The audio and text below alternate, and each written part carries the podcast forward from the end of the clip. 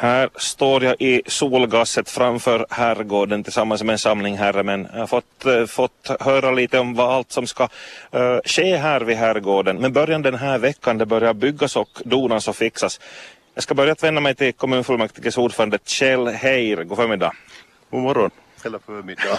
ja, hej på dig kan vi säga. Hör du, det här är dina hemtrakter, Tottesund. Nå, det är nog mina hemtrakter. Jag bor en 400-500 meter härifrån. Mm. Och herrgården, här har du jobbat på Maxmo kommuns tid. Ja, no, här har jag nog varit nästan 15 år. B både som praktikant och sen i slutet som kommundirektör. Så jag har nog jobbat ganska, ganska länge här. Ja. Hör du, liksom, vad, vad betyder herrgården eller vad betyder den här i byn?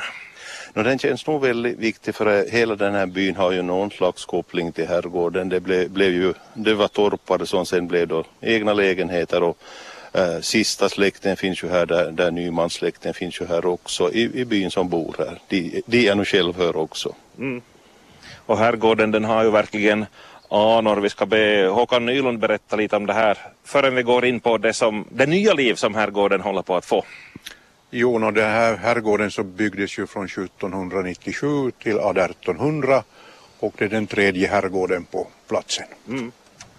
Ja, där borta där som en slags källare så där stod den föregående stod, på samma stenfot då? Där stod den andra herrgården som då byggdes 1734 mm. och var med till 1850-talet. Ja.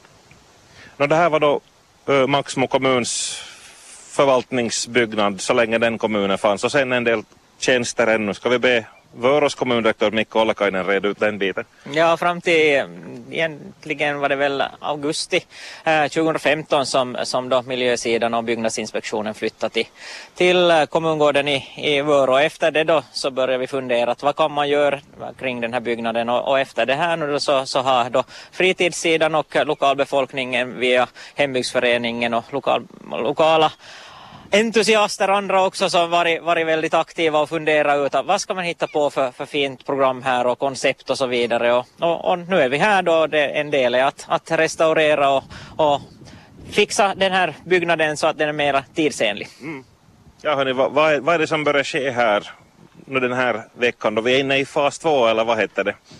Redan? Ja, no, jag kan ta, ta det alltså. Vi kommer att, eh, no, dels kommer ju bräslåningen att, att bytas ut här. Det blir eh, från att ha varit oljevärmt så blir det bergvärme. Ta, eh, det här vattentaket kommer att bytas ut. Sen kommer det att bli en en uh, tilläggsliten del där, där eh, en hiss kommer att vara så det blir alltså handikappanpassat. Och så på baksidan av, av den här byggnaden så där kommer en terrass och en, en uh, balkong som, som kommer att säkert vara väldigt uppskattad där man kanske kan sitta och dricka kaffe och, och så om man vill ha konsert så då, då, då tar man bort räcken och så gör man det till en, en, en scen för till exempel något, något musikevenemang. Mm.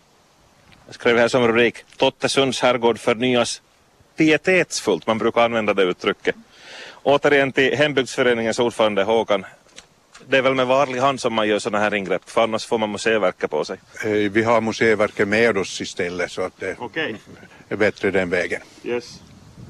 Uh, huset behöver leva, det sa du Mikael Österberg, fritidsdirektör här för, för en stund sedan.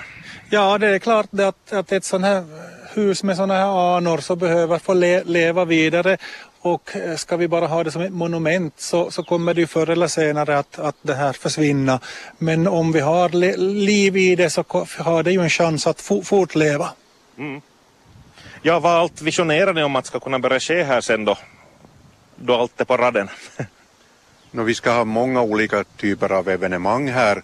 Eh, dels ska det ju vara allt eh, från middagar fester, bröllopsfester, släktmiddagar, allt möjligt till konferenser, konserter och teaterföreställningar. Mm. Himlen är gränsen, the sky is the limit. Ja, ungefär. Ja. Men det är absolut en, en miljö som bör utnyttjas och marknadsföras.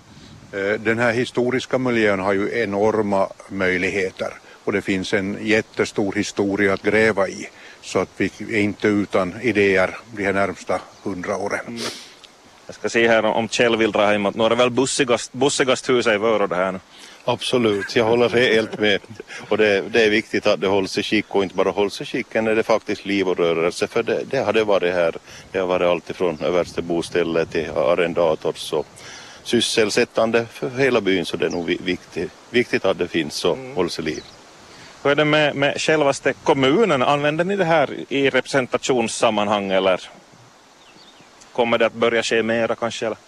Ja, inte har vi ju hittills använt, men nu har det ju varit möten här och, och, och det här kommer säkert att användas mera då det kommer skick och service och mm. kan ha till och med möten här vid behov.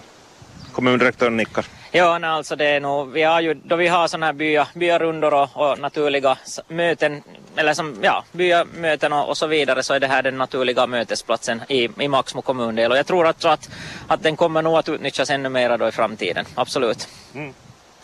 Det är ju inte bara gården som är fantastisk, vi har ju den här trädgården eller parkmiljön och som sagt för en dryg månad sedan så invigdes herrgårdsleden och den har utnyttjats, det är väl nedtrampat, sa, var det då Håkan som hade koll på det? Just ett par som var på väg ut på, det gick, det gick just ett par förbi oss här som var på väg ut på leden. Okej, okay.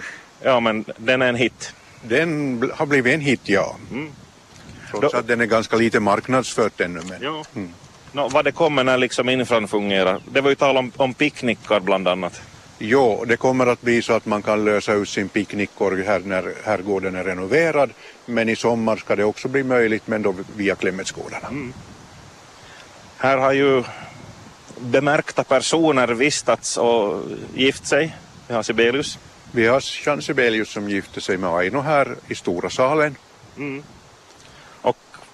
Vår president Urho Kekkonen så sa ni att han övernattat här också. Det, det hade inte jag snappat upp tidigare. No, han har inte övernattat här ja. men han har dinerat här. Okej, okay, just mm.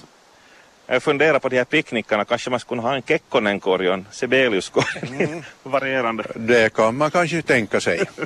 ja, ja, och skämt åsido. Hörni, eh, tidtabellen, den här veckan börjar det dyka upp byggställningar och så vidare. När ska det här vara klart? Den eh, sista november så ska, ska den här byggnaden som var, var då renoverad och utvidgad så, så den, den delen är då klar och inför vintern. Så, så det, det är nog väldigt bra att vi får, får den delen fixad. Och, och så nästa år då så, så har vi, kan vi bära frukt då av, av det som vi har gjort här och sen så utvecklas det ju ytterligare efter det då men att, men att vi tar en fas i taget. Det är bra. Ja, sen fanns det visst en fas 3 har jag sett på något papper också. Och det finns väl kanske fas 3 och fas 4 också men vi kanske nu pratar lite om det nu i det här skedet. Ja, ja. Men det är alltså äh, hembygdsföreningen som sköter den praktiska verksamheten här sen? Äh, själva innehållet i, i huset är det tänkt att hembygdsföreningen ska administrera.